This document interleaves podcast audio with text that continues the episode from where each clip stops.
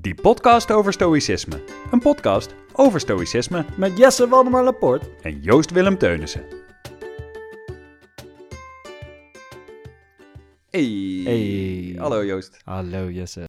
Ik heb eh, weer iets voorbereid voor vandaag, vind ik leuk. Dus jij stuurde me laatst iets van Carl Jung, heet hij geloof ik. Ja. Ja, je had het over dat we nog heel veel moesten leren over de mens. En dat, of hij had het daarover. Ja, dat- ik had het daar niet over. Nee, je had het niet over. Je, je liet dat zien. En dat eh, de mens eigenlijk het enige, de enige oorzaak is van het kwaad in de wereld. Dat, Ja. dat de wereld is geen plek van kwaad. Yes. Ja, en dat is... eh Carl Jung was niet per definitie een stoïcijn natuurlijk. Maar dat deed me denken aan, eh aan quotes van meerdere stoïcijnen. En dat... Ja, zij zeggen dus dingen als dat, ze- dat er is niet zoiets als goed en kwaad. Er is alleen ons oordeel over de zaken.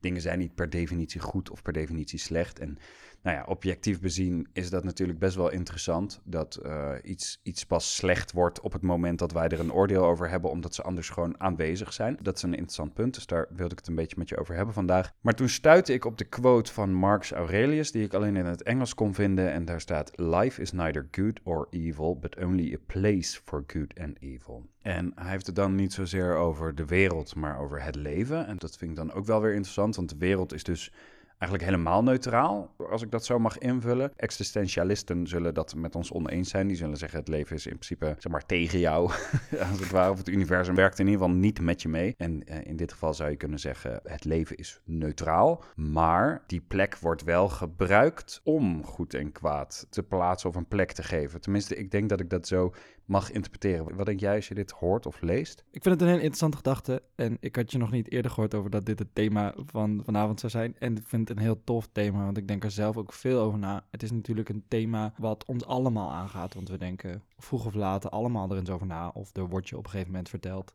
dit is goed en dit is slecht. Ja. Dus iemands dogma's worden vanzelf de jouwe, als Ja. je maar lang genoeg naar ze luistert. Ja. Eh, ik vind dat heel interessant. Dus om jouw vraag te beantwoorden, wat denk ik als ik hoor: Life is neither good or evil, but only a place for good and evil. Mhm. Ehm, dus dat wil zeggen dat hij zegt dat het leven aan zich dat niet is, maar dat het slechts een plek is daarvoor. En daarmee lijkt hij eigenlijk een soort afstand te nemen van good and evil zelf. Dus goed en slecht. eh, en dat het allebei gebeurt. En dat hij het net iets lijkt te abstraheren Mhm. in die zin. Dat vind ik mooi, want ik heb het idee zelf dat op het moment dat je geboren wordt in deze wereld en je hele, je, je hele opvoeding plaatsvindt, Mhm. er eigenlijk vanaf het begin allerlei dingen worden opgelegd aan jou door jouw opvoeders of mede-opvoeders. Ja. Waar je dingen uit kunt opmaken dat je het ene wel kunt doen of mag doen en het andere niet. Dus er wordt continu een tweedeling gemaakt, een soort dualisme in je leven. Dit is goed, dit is slecht. Ik ga even een zijsportje in, meteen. Sorry, ik begin maar gewoon Ja. gelijk vast. Denk jij dat we een aangeboren rechtvaardigheidsgevoel hebben of dat het aangeleerd is? Oeh, dat is een hele goede diepe vraag. Ik durf het niet te zeggen.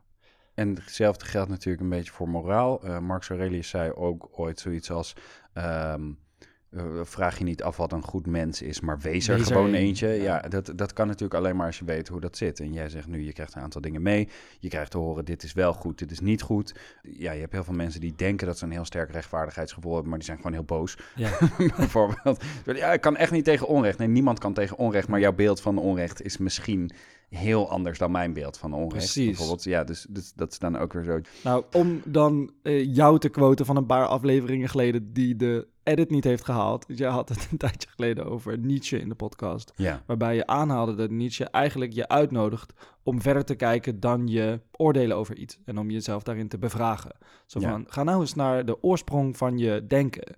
En ga- daar nou eens echt kritisch naar kijken van hoe komt het dat je zo denkt. ja. waarom is dat je oordeel? En als dat je uit het christendom komt, wat, wat is dan het christendom, et cetera? Schoffelen, Ja. schoffelen, schoffelen. Schoffelen, schoffelen, Ja, dat er niks meer over blijft.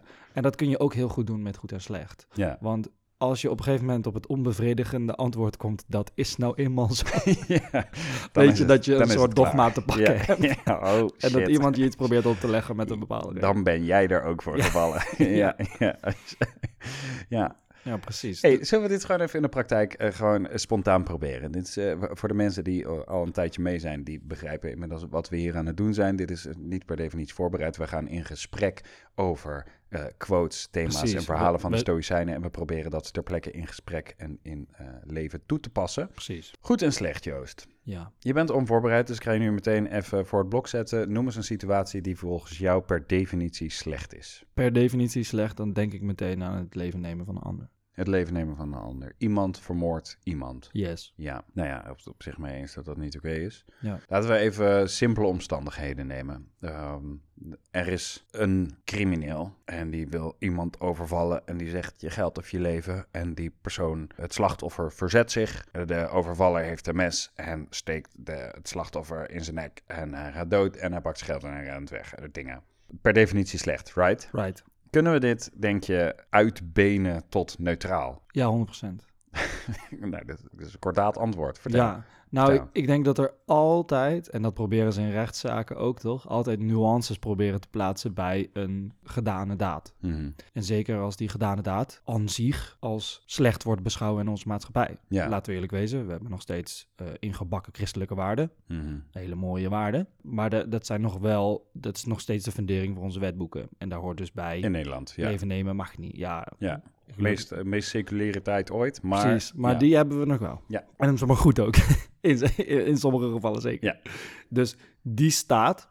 En wat ik merk is dat je heel veel aan een verhaal kunt toevoegen. Wat vaak pleiters proberen in de rechtszaal. Is om nuances te plaatsen aan het feit waarom deze daad is gepleegd. Dus Mhm. pro- misschien proberen ze te pleiten dat het was al ter voorkoming van dat die ander nog meer levens zou nemen. Zelfverdediging. Zelfverdediging. Ja, er ja. worden allerlei redenen aangehaald waarom het te verantwoorden was dat deze daad is gepleegd zoals hij is gedaan. Mhm. En zelden wordt gezegd, ja, ah, daar had die zin in Nederland. Ja. maar- Nee, dit is wel echt een gevalletje slecht. Ja, ja, ja, ja. precies. Dus het wordt aan ons, of eigenlijk aan de, aan de, aan de rechtspraak, wordt beroep gedaan. Kunnen we oordelen over of deze persoon goed of slecht is? En moet hij daarom dan, of zijn daad in ieder geval slecht was, en moet hij daarom veroordeeld worden? Ik heb een aantal vragen voor je. Ik ga je, ik ga je er gewoon even aan onderwerpen, aan al die vragen, ja? Ja, Waarom is het slecht om iemands leven te nemen? Eh, dat is een goede vraag. In onze maatschappij Nee, Gaan we eh, ervan even- uit? Even uitzoomen. Helemaal uitzoomen. Uitzoomen. Waarom is het slecht? Even, even los van wet. Oké. Waardoor je kan niet zeggen, want dat zegt de wet. Want dan, ja, dan ga je dus uit van dat dogma eigenlijk. Ja, dat, ja, ja. dat is gewoon een construct. Oké, ja. Weet je wat het is? Dat zal altijd een construct blijven, denk ik. Mhm. Want ik ga nu zoiets zeggen als: het is niet aan jou om iemand anders zijn leven te nemen. Ja, dat is op zich, daar kan ik me daar goed in vinden. Ja. ja. Precies, maar je kan daar ook weer dieper in graven, toch? Dus Ja. je kan uh, à la Nietzsche kun je weer doorvragen van uh, waarom is het niet aan jou dan? ja dat ga Of ik- hoe komt het dat het niet aan jou is? Daar ga ik je nu Ja. aan onderwerpen. Ja, precies. Waarom, waarom is het niet aan mij? Ja, en dan ik, heb ik een, een, Waar een waar tip meegekregen van uh, uh, shout-out naar Elke Wis van Socrates op sneakers. Uh, ze zegt probeer waarom niet te gebruiken. Waarom is vaak een hele aanvallende vraag. Oké. Probeer hem... Hoe denk je dat het komt? Ja, precies. ja, ja, ja, ja, want dan Ja. is hij gewoon net iets soepeler en hoef je je niet per se uh, in het harnas uh, gevangen te voelen. Ja. Maar kan wel. Waar Dus- denk je dat de oorsprong ligt van het feit dat je denkt dat het eh, niet aan jou is om iemands leven te nemen? Precies, omdat ik denk dat ik ben opgevoed met het idee dat er een soort individuele vrijheid bestaat. En in iemands leven nemen is iemand de volledige persoonlijke vrijheid ontnemen. Dus je zou zeggen Dat dat, dankzij jouw opvoeding vermoord je niemand. Ik, ik, denk, ik denk deels door mijn opvoeding. Ik weet niet zo goed. Kijk, dan krijg je de nature-nurture ding. Dat blijft een, een, een 50-50, 51-49 discussie. Waar je, waar je heel moeilijk van kan verklaren waar het precies zit. Nee, ik want- denk dat het in ieder geval een combinatie is van beide. Ja, want de vraag is inderdaad, zou jij ook zonder die opvatting en misschien zelfs wel als een soort verschoppeling van de maatschappij ook het besef hebben gehad dat het wellicht niet oké is om het leven van een ander te nemen? Ja, zou kunnen. Ja, dat is moeilijk te beantwoorden natuurlijk, maar je zou dus als we heel, heel, heel ver uitzoomen, we zijn marsmannetjes, we kijken neer op de aarde, mensen vermoorden elkaar, wij voelen daar als marsmannetjes even helemaal niks bij, is dat waarschijnlijk neutraal. We zien dat Zeker. gebeuren en we zien, hey, die ene heeft geld nodig, want Ja. heeft geen baan, moet eten, steekt die ander neer, heeft hij daar geen last meer van, Ja. neemt het risico op celstraf, eigen schuld, Ja, en zeker, precies. En zeker als je als het ware als toeschouwer kunt kijken. Ja, En je dus distancieren van je menselijkheid. ja. Nou, dat is al stap één. Want ik denk als je gedistanceerd bent van je menselijkheid, voel je Ja. je niet meer onderdeel van het menselijk bestaan. Nee. Ben je niet meer onderdeel van het menselijk bestaan? Kun je het dusdanig apart of abstraheren? Ja. Als, als iets objectief zien? Dat je denkt, nou eentje meer of minder maakt niet zoveel meer uit. Oké, en stel we gaan nu even naar het dierenrijk. Wij kijken naar een leeuw die een zebra vangt. De leeuw eet de zebra op en wij zeggen, ja, zo is natuur. Nou heb ik een kat. Een kat is een afstammeling van die leeuw, is officieel zelfs nog steeds een wild dier. Wat doet mijn kat met dieren, met vliegen, met muggen, met bijen, met wespen, met dat soort zaken? Niet per se opeten, gewoon doodmaken voor de lol. Als ik dat zie, denk ik ook, dat is natuur. Ik denk niet, oh, wat onrechtvaardig zeg, dat jij dit... Ik bedoel, ja, jullie zijn allebei wilde dieren. Dit is kennelijk wat jij doet. Ik ga je niet bij iedere vlieg tegenhouden om Ja. die dood te maken en daarmee te spelen. Ja. Soms is het een beetje een sneu gezicht, want dan zie je zo'n weerloze vlieg. Maar eh, ja, ik ben er ook niet altijd bij. Nee, Ja, toch? soms ligt hij Eh, daar gewoon al dood in de kamer. Ja, nee, ja, kan gebeuren. En soms laat ze liggen, soms eten ze wel op. Nou, dat vind ik dan netjes, maar dat kan ook niet. Weet je, dat maakt niet zoveel uit. Er zijn ook mafioso die eh, lijken opruimen. Dus in die zin snap je een beetje waar mijn vergelijking heen Ja. gaat. Stel dat we op zo'n manier er naar zouden kijken. Wij zijn onderdeel van de natuur. Wij zijn onderdeel van een ecosysteem, van het milieu, van de hele driehoek, van de hele voedselketen. We- Voedselketen, we zitten er ja, gewoon precies. in. Wij zijn ook natuur. Ja. En in die zin zou je kunnen zeggen: kijk, wij hebben een ontwikkeld brein met een bewustzijn. En in dat bewustzijn hebben we besloten dat. Nou ja, mijn kat heeft dat niet. Ja. Mijn kat maakt die vlieg dood, gaat ermee spelen of houdt hem in leven, gaat ermee spelen. Nog veel gruwelijker zou je zeggen naar menselijke maatstaven. Anderszins zijn wij dus ook mensen die mensen vermoorden. En binnen oorlog is dat geoorloofd en buiten oorlog niet. Nou, wat dat betreft is er sowieso geen rechtvaardigheidsgevoel. Nee. Want op het moment dat jij zegt, ja, maar als die een legerpakje aan heeft en ik schiet, dan is het oké, want oorlogsslachtoffer. En als dat niet zo is, dan is het opeens moord. Ja. Ja, dan zit het sowieso niet helemaal goed. Nee. Maar nou, zou je dan kunnen zeggen dat als je kijkt naar de natuur en het is neutraal, dat je datzelfde beeld wellicht op de mens kan plakken? Ja, met, met een paar grote uitzonderingen. Ik denk dat onze intelligentie ons daarin, eh, nou, daarin zegent en vloekt tegelijkertijd. Ja. Want, nou, zoals je zelf al de voedselketen benoemt, plaatsen biologen denk ik vaak de mens soort van bovenop in die punt. Ja. Puur en alleen om het feit dat wij gereedschappen hebben weten te maken waar we dus de anderen mee de baas kunnen. Want Ja. zonder die gereedschappen waren we er echt niet geweest bij de Nee. meeste dieren. Ons brein zet ons bovenaan. Dat is Precies, ons brein staat ons bovenaan. Maar wat ons brein ook doet, is onderscheid maken in die bovenste punt. Ja. Dus ons brein eh, zet eh, andere mensen onder ons. De grap is zelfs dat wij hebben die voedselketen Ja. gemaakt. ja, precies. Wij maken die hele piramide. Ja, als het aan een leeuw ligt, staat die bovenaan. Ja, zeker weten, toch? Ja, Ja, dus wij, wij maken eh, onderscheid Ja. in de bovenste punt. Ja. Dat alleen. En dat is een, een valkuil, Ja. want daarbij ga je een superioriteitsgevoel hebben. Vind je jezelf superieur naar anderen, dan denk je, ja, die anderen kunnen gemist. Ja. Hebben we niet zo belaan. Maar dat denken we dus onderling ook dat, in een dat denken we onderling. Eh, waar het ons, want dat is dus de, de vloek. Dan denk ik dat het in zekere zin ook een zegen is geweest dat wij zo intelligent zijn geworden, is omdat wij overstijgend kunnen denken over ons eigen handelen. Ik doe Mm. als eh, mede-opvoeder elke dag niks anders. Ik laat kinderen nadenken over de dingen die ze hebben gedaan. Hmm. Ja, je, je kan je kat een klap geven, maar die gaat de volgende keer nog steeds die, die vlieg zo aanpakken. Je kan je kat Ik kan, mijn, ik kan mijn kat kan ik conditioneren, maar ik kan hem niet leren waarom Ja, en hoe. ja, en wij kunnen kinderen echt heel goed conditioneren. Ja, maar we kunnen ze ook laten begrijpen waarom, waardoor zij het in een ander vlak van het leven ook kunnen toepassen. En dat kan Precies. een kat niet. Dat kan een kat niet, denk Nee. ik. En ik weet niet in hoeverre eh, dieren intelligent zijn, want het is natuurlijk eigenlijk een, bijna onmogelijk om precies te meten.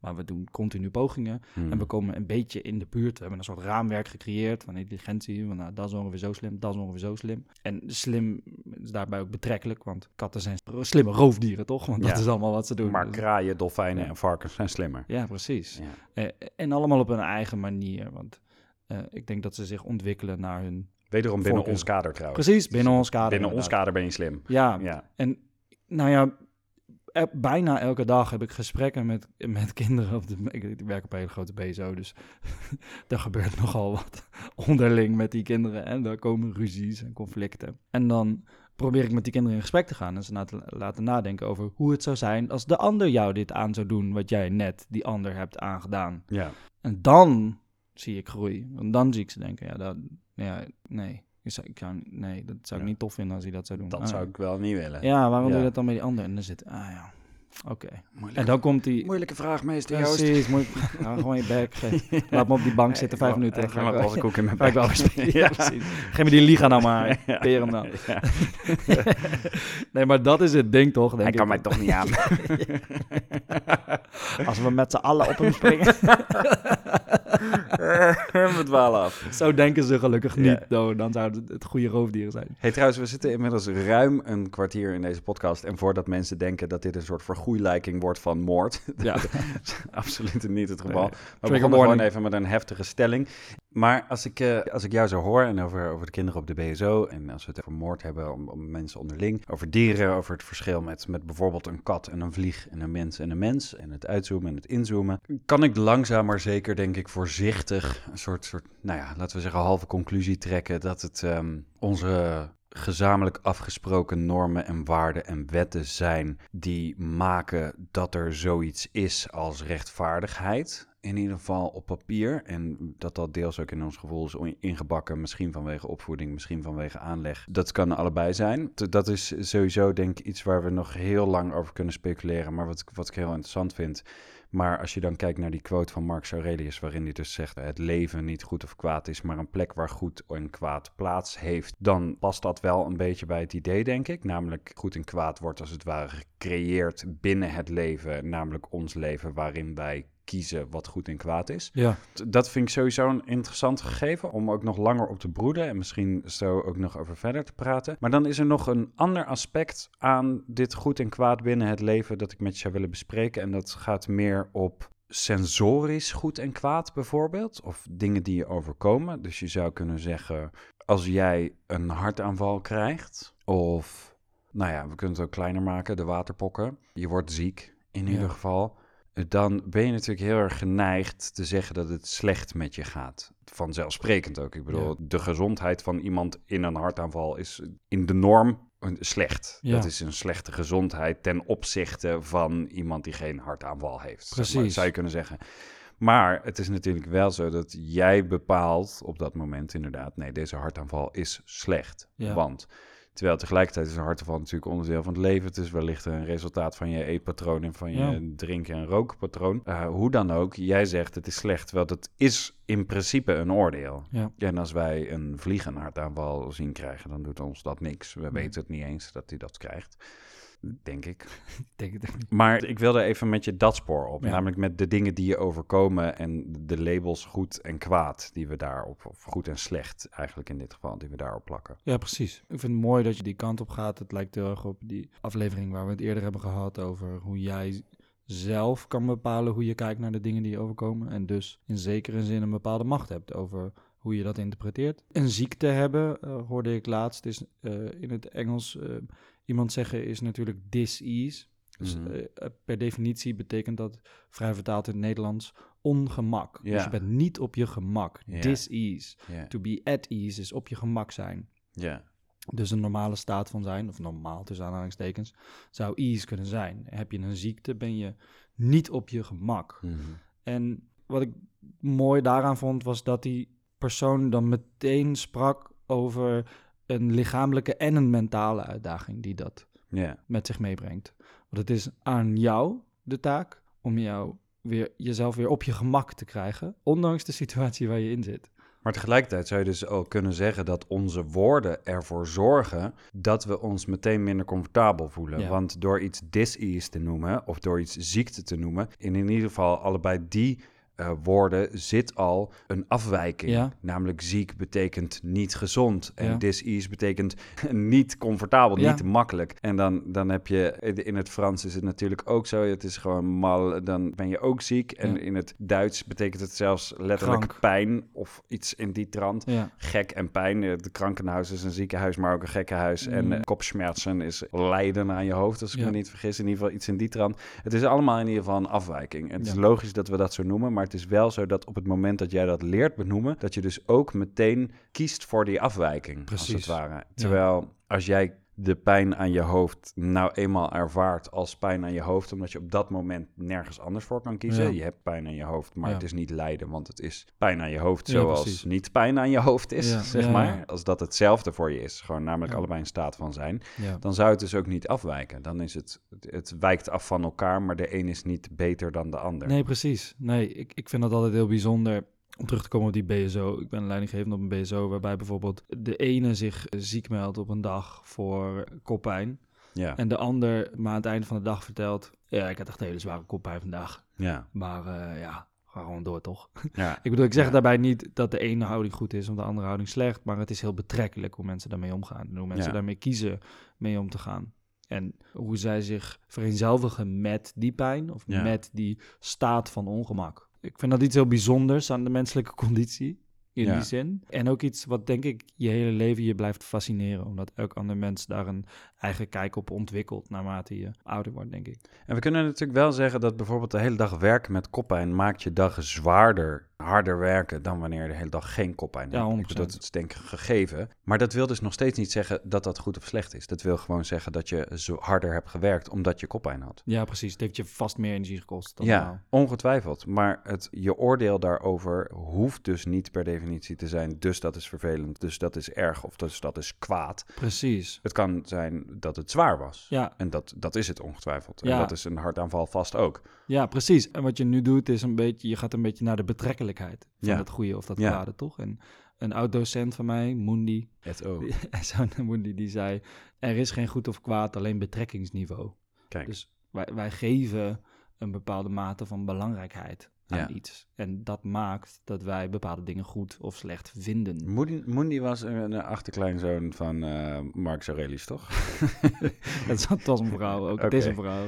Mundi was een achterkleinkind van Marcus Aurelius, toch? Ja, Maar ik denk dat dat een best wel stoïcijnse uitspraak is. En dat dat misschien best wel overeenkomt met de quote van Marcus Aurelius, waar we het net over hadden. Het leven zelf is niet goed of kwaad, maar het is wel een plek waar goed en kwaad welig tiert. Precies. Volgens mij had Mundi de realisatie op een andere manier verkregen dan Marcus Aurelius. Hmm. Eh, volgens mij kwam hij uit een andere hoek van eh, levenswijsheid. Maar het is wel zo'n, denk ik, semi-universele levenswijsheid die hele wijze mensen hebben. En zeker heb ik soms het idee dat, uh, zou zeggen, wijsheid komt met de jaren, maar zeker wat oudere mensen, die beginnen bepaalde patronen in te zien in Ja. de manier waarop wij met dingen omgaan. Ja. En die beginnen in te zien dat de een iets zo ziet en de ander iets zo ziet. En het is niet per se goed of fout, maar de een gaat zo met dingen om en de ander gaat zo met dingen om. Ik wil dit wel graag een beetje weerleggen, want ik ben het deels met je eens. En ik merk zelf ook dat als ik ouder word, dat ik steeds meer merk, ja, maar wat boeit het wat die persoon van Ja. mij vindt? Het maakt allemaal niet uit. Precies. Tegelijkertijd zie je dat veel mensen die ouder worden, die verstarren in gedachtenpatronen, Ah, ja. omdat ze van tevoren niet ontdekt hebben wat flexibiliteit is. Ja. En dan zie je dus juist dat die gedachtenpatronen die ze hadden, dat die gewoon vastroesten in plaats van losraken. Ja, Dat zie je ook erg veel. Want je ziet inderdaad wel dat mensen zich minder aantrekken van dingen. Maar je ziet tegelijkertijd ook dat ze zich minder aantrekken van Ja. dingen. Snap je? Ja. Is de goede kant op. Dat ze ook minder tolerant worden, minder inclusief worden, minder eh goedschiks, minder flexibel worden. ja, volgens mij is dat enigszins, hier hebben wij het vaker over gehad, volgens mij is dat enigszins neurologisch te verklaren. Hadden Eh, wij het erover toch? Ja, biologisch in ieder geval. Oh. Volgens mij gebeurt het inderdaad in je hersenen dat vanaf je dertigste er iets verandert, omdat je dan eh, van origine heb je jezelf dan voortgeplant. Dus hoef je je niet meer aan te passen aan de groep. Dus word je starter. Dat Ja. is inderdaad een beetje hoe het lichaam Ja, werkt. precies. En dan heb je nog de, de menselijke maatschappij, waarin we vaak ervaren dat de generaties voor ons bepaalde dingen voor ons hebben gedaan. Hmm, Of waarin ze dingen hebben neergezet waar wij op voort kunnen bouwen. hmm. Dus we schrijven ze een mate van ego toe, Ja. die zij eh, dan wel kunnen aanwenden om voor hun verantwoording te gebruiken. Snap je wat ik bedoel? Dus, Ja, en daar is dus een interessante uitspraak over. Dat is zoiets als: zij laten de wereld niet aan ons na. Nee, zij lenen de wereld van ons. De oudere generatie geeft ons niet de wereld. Nee, zij hebben hem van ons geleend. Want vervolgens moeten wij er weer in leven. ja, En daarom moet juist de oudere generatie de verantwoordelijkheid voor Precies, nemen. Want zij laten hem achter. Het is niet zo dat zij hem aan ons geven. Zij hebben hem voor ons nog even in gebruik. En dat geldt ook voor ons natuurlijk, voor de generatie na ons. Wij moeten niet verwachten dat de generatie na ons dankbaar is dat wij van alles hebben opgebouwd. Nee, wij moeten zorgen dat we hem achterlaten zodat zij hem kunnen gebruiken. ja. En dat gaat niet goed.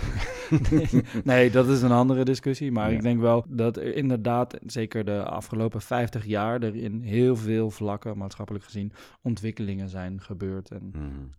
in, in zekere zin zijn lang niet alle mensen van die tijden meegegaan in bepaalde ontwikkelingen. Of zijn eh, wat starter geworden. Dus denken, ja, die laat ik even gaan. Want ze hebben ervaren dat die tijden die zij hebben ervaren een opmaat waren voor meer succesvollere tijden. Waar zij dus mede verantwoordelijk zijn geweest door te Mhm. hebben geleefd in die tijd. Mhm.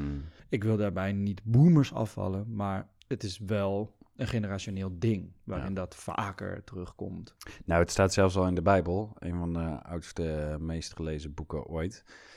Daar staat al in, laten we zeggen dat de Bijbel zo'n 2000 jaar oud is, maar daar staat al zoiets in als: eh, zeg niet dat eh, het vroeger beter was, want wat weet u er nou van? Zoiets staat er ergens in, eh, in een van die, Ja. weet ik veel, psalmen of versen, dingen. Ergens spreuken, spreuken zal het geweest zijn, ik weet het niet. Ja, Daar ergens staat dat in, kan ik me herinneren. Als dat al in de Bijbel staat, is dit dus van alle tijden. yes. Mensen want- roepen altijd al, vroeger was het Ja. beter, want ik kan het weten. En wat er nu gebeurt bevalt me niet, ik ben star. Ja. ja, en dat is mooi, want daar komen we weer op een bepaalde stoïcijnse waarde. Want wat weet jij er nou van? Of Mhm. de Bijbel zou dat niet direct gezegd hebben, maar wat kun jij er nou van weten? Dat er staat wel echt zoiets. Oh ja, Ja, er staat wel echt. staat letterlijk in de Bijbel. Hé, hey, grappig, wat weet jij nou? Fakka, wat weet jij? Ja, zoiets. Maar What? wat ik daar zo mooi aan vind, is dat je dus uitgedaagd wordt om daarover na te denken. Maar vaak hebben we de neiging, om als iemand zegt, wat weet jij er nou van? Onze positie te gaan verdedigen. Mm. Dus we kruipen in onze ego-staat. Terwijl hoe mooi als je gewoon denkt, ja, goede vraag. Ja, ja wat de fuck weet ik nou? Dus nou ja, Ja. dat is de eerlijkheid die wij eh, dienen te betrachten eh, volgens de Stoïcijnen. Zo, wees eens eerlijk, wees gloeiend eerlijk naar jezelf. En wat kun je ervan weten? Nou, niet vrij veel. Hey, even meta ook, hè. Als je zegt, vroeger was het beter, daarin zit dus al het oordeel van goed en kwaad. Ja, zit er al in verweven. Vroeger was het anders. Ja. Ja. En voor jouw idee misschien beter. Vroeger was er iets anders en nu is er weer iets anders. Ja, precies. Ja, en daar ga je niks aan doen. Nee. Punt. Ja. Niet goed, niet slecht, niet beter, niet slechter. Gewoon, vroeger was dit, nu is dit. Ja. Punt. En dat, als je dat weer betrekt op microniveau in je lijf, net had je geen hartaanval, nu heb je wel een hartaanval. Ja. Wat, wat ga je eraan doen? Ja. Niks? Nee, niks. Nee, dus Nee. is het niet goed of slecht. Het is anders. Precies, het is anders inderdaad. Mozes. Maar, maar Ik wil zo graag, ik wil zo graag ook eh, geloven wat ik nu zeg. Zeg maar, ik wil dit, ik wil dit voelen. Ik wil Ja. gewoon de ene keer benauwd zijn en de andere keer niet. Verkouden zijn en niet. En gewoon denken, nu ben ik het wel en toen was ik het niet. Ja. En dat is een verschil. Niet was, nu is het vervelend, nu is het slecht. Ja. Natuurlijk is het vervelend, je mag dingen vervelend vinden. Maar ik wil niet dat dat slecht is. precies. Ik wil dat dat anders is. ja, maar hoe tricky is het om die signalen, lichamelijke signalen, te ervaren Mhm. en dan niet die connotatie eraan plakken? Ja, onmogelijk. Dat is nou, niet eh, onmogelijk, maar heel moeilijk. Maar heel moeilijk. Ja, ik, ik ervaar het zelf nog dagelijks. Ik heb momenteel eh, bepaalde coronamoeheid nog van eh, Mm. corona een paar Mm. weken geleden. En de wappies haken af. Hey, Jammer. doei. en ik merk dat het enerzijds dealen is met de symptomen, Mhm. Maar anderzijds is het dealen met het dealen met de symptomen. Ja, ja, precies. Sterker nog, dat is er misschien nog wel meer. Ja, Want, eigenlijk want meer. als dat je lukt, dan hoef je niet meer te Ja. dealen met de symptomen. Ja, maar dan heb je gewoon de symptomen. Ja. Ja. En dan zit je continu zo te zoeken met, oké, ik ben moe. ja. Ga ik toegeven aan het feit dat ik moe ben? Ga ik mezelf proberen weer terug in vorm te krijgen door toch iets actiefs te doen? Mm, Of ga ik daar naar luisteren? En, en hoe lang ga ik daar dan naar luisteren? ja. En al die vragen en al die onzekerheden die daarbij komen kijken. ja, je kan alleen maar anticiperen. Ja, ik, nou, Ja. snap wel dat ik moe ben de hele tijd. Ja, precies. hey, even, uh, we moeten langzaam maar zeker natuurlijk naar een soort afrondend punt toe, denk ik. Maar het laatste dat ik graag zou willen aanhalen in dit kader van goed en kwaad en wel op hetzelfde spoor, namelijk de dingen, de pijn die je overkomt, is misschien wel een hele behapbare, iets wat iedereen overkomt in zijn leven of om zich heen waarschijnlijk, is dood. Zeker. je partner, geliefde, ouders, familie, opa en oma. Iemand in je omgeving gaat een keer dood. Je zou bijna zeggen, als je mazzel hebt, ben je de eerste. Maar dat is ook niet per definitie mazzel. Dat kan gebeuren. Precies, want daar zit eigenlijk alweer Ja. zo'n oordeel in. Ja, maar iedereen krijgt per definitie van doen met dood. Ja. Dat, is, dat is een van de weinige zekerheden die we hebben. Dood is onderdeel van het leven. Mocht jij nou je hele familie kwijtraken, ja, ik zou dat als slecht bestempelen Ja. Zelf. En ik zou heel graag heel bedweterig doen nu tegenover onze luisteraars van joh, maar dat is gewoon zo en je kan er niks aan doen en dat is niet goed of kwaad, maar dat is het geval. Knappe jongen die, die er zo naar kan kijken. Ja. Maar ik denk wel dat dat een interessante ingang is om hierover te praten. Omdat Ja. het voor iedereen op zijn pad is geweest of nog gaat komen. En Ja. dat we dan inderdaad werkelijk kunnen uitbenen naar... is dat goed of kwaad? Dat, Ja. dat mensen doodgaan. Dat, dat jou dat overkomt. Kijk, op het moment dat je zegt... ik ben een slachtoffer, want iedereen om mij heen gaat dood... dan ga je dus eigenlijk meteen uit van een soort goddelijkheid. Dus dat iemand dat in de hand heeft. Precies. Dat zou kunnen. Nou ja, dan ben je waarschijnlijk geen stoïcijn. Nee. Eh, en dat wil ik ook niet van iedereen vragen. Maar dan moet je dat dus bij je God zoeken. En als Ja. je dat bij je God zoekt, dan had hij er waarschijnlijk een bedoeling voor. Dus is het weer goed. Ja, en Zoiets. Maar zeker in een pseudo-christelijke zin zou je kunnen ervaren dat als je al dat dood om je heen meemaakt en je interpreteert dat negatief en je lijdt daar heel erg onder, ben je al in een soort van hel of niet? Ben je in een soort metafysische hel terechtgekomen, denk ik. Ja, of je bent heel blij dat ze allemaal naar de hemel gaan. Ik bedoel, Ja, ik, ik, ik, ken- ik, ik weet van een hele grote christelijk hip-hop popartiest uit Amerika. Die is zijn zoon verloren. En die is heel blij dat zijn zoon in de hemel is. Die gaat natuurlijk kapot van verdriet, maar tegelijkertijd is hij soort dankbaar van dat zijn zoon in de hemel is. En dat, dat vind ik een bijzondere manier van kijken. En dat is dan hoe je geloof werkt. En Ja. dat is mooi en dat is fijn dat je dat daar kan neerleggen. Mocht je nou ongelovig zijn en het tegelijkertijd als slecht zien dat iemand om je heen sterft, dan is dat natuurlijk best wel complex als je jezelf daar vragen over gaat stellen. Want Ja. het is heel vervelend natuurlijk. Het gemis is groot, verdriet is Ja. groot en dat is terecht, want je was met iemand waar je gelukkig van werd en die persoon is in fysieke zin niet meer aanwezig. Ja, Dus dat is zeer terecht. Maar is het slecht? Ja, in principe natuurlijk niet. Het is niet kwaad. nee. Het is iets dat is gebeurd. En als jij niet in een schepper gelooft, is er dus ook niemand die dat heeft gedaan. Nee, Dat is gewoon een omstandigheid. precies. En die is heel verdrietig. Ja. Niet slecht. Ja, Nogmaals, ik zou heel graag zelf er zo naar willen kijken. En Ja. zo ervaar ik dat helemaal niet. Ik trek dood van anderen heel slecht. ja. Maar ik, ik hoop dat ik door dit gesprek er met jou over te voeren. Nou, misschien dat er ooit een stemmetje in mijn achterhoofd is. op de volgende begrafenis die ik bijwoon. met. Oh ja, maar dit is niet slecht, dit is verdrietig. Ja, ja precies. Oh, mooi gezegd, want dat is het zeker. Dus het is daarbij, denk ik, weer die slechte reputatie van het stoïcisme. Dat ze zeggen, nou, gevoelens mogen niet bestaan. Die mogen zeker bestaan. Dus het blijft zeker weten verdrietig dat iemand doodgaat. Alleen het stoïcisme nodigt ons uit om eigenlijk op voorhand te kijken voor het feit dat iemand doodgaat. Dat is een soort premeditatio malorum, voordat Ja. iets ons overkomt, erover na te denken. En zeker malorum is, wordt dan eens iets slechts ervaren. Dat je, waar, je, Mm. waar je naar kijkt voordat iets slechts je overkomt, erover nadenken. Of als het over jezelf persoonlijk gaat, komt natuurlijk weer memento mori om de hoek kijken. Waarbij we dus eigenlijk ten alle tijde onszelf herinneren van een dood. En het feit dat we met z'n allen doodgaan niet iets slechts is. Wat ik denk dat nu heel veel gebeurt, is dat we onszelf aan het conditioneren zijn op bepaalde manieren. Dat we proberen betekenis te geven aan iemands dood. Door te verklaren dat het oké is dat een persoon gestorven is, want een bepaalde lijdensweg. Want weinig uitzicht eh, Mm. in leven. Want noem het maar op en, en zo verder en enzovoorts. En ik denk dat wij als maatschappij er heel moeilijk mee om kunnen gaan als iemand abrupt sterft. Dat- Zonder bepaalde reden, dus in een ongeluk of op Dat, een dat verschilt dan wel weer dus heel erg per cultuur. Dus dat is heel interessant. In andere culturen wordt gewoon iemands leven gevierd, bijvoorbeeld. Oh ja, En bij ons wordt vaak dan de dood, zeg maar, of de afwezigheid gerouwd. precies. En om inderdaad even aan te sluiten op wat je zegt, emotie en gevoel is helemaal oké binnen stoïcisme. Het is niet koud, helemaal niet. Maar ze vragen ons ook om niet op basis van slechts emotie te handelen. Dus als je eh, verdrietig bent en boos dat iemand weg is uit je leven, laat dat er vooral zijn. Geef dat ruimte, doe Ja. ermee wat je moet doen. Maar ga niet iemand slaan, ga niet je baan opzeggen en van de brug springen omdat je verdrietig bent. Dat is handelen op basis van emotie die je verder niet helpt. Ja. Dus zij vragen je gewoon door dingen bij te pakken die, die je Ja. wel helpen. Ja, precies. En, en, de vraag te stellen wat je kunt doen, daar zullen überhaupt, denk ik, weinig mensen eh, daadwerkelijk van een brug af willen springen als dat gebeurt. Maar wat ik wel merk in mijn ervaring is dat mensen heel erg ervaren dat het leven doorgaat, maar dat ze zelf even zouden willen dat het leven stopt. Ja. Omdat ze naar hun eigen idee weinig tijd krijgen om, zeker de spontane dood, om het maar even zo te noemen, Hmm. een plekje te kunnen geven. Ja. Omdat het iets is wat ineens kwam Hmm. en voor de rest van je leven impact maakt. Ja, nou ja, en daarvan denk ik ook. Als, als jij ruimte nodig hebt om dat gat te dichten of te accepteren of wat het ook is, dan moet je vooral die ruimte nemen. Ja, Ja. Ja. Maar het is, niet, het is niet oneerlijk of kwaad dat het je overkomt. Het is waarschijnlijk niet een grotere macht die jou dit aandoet en jou Ja. pest. Ja. zo. Het is jouw oordeel daarover. En waarschijnlijk is je oordeel gewoon, het is verdrietig. ja.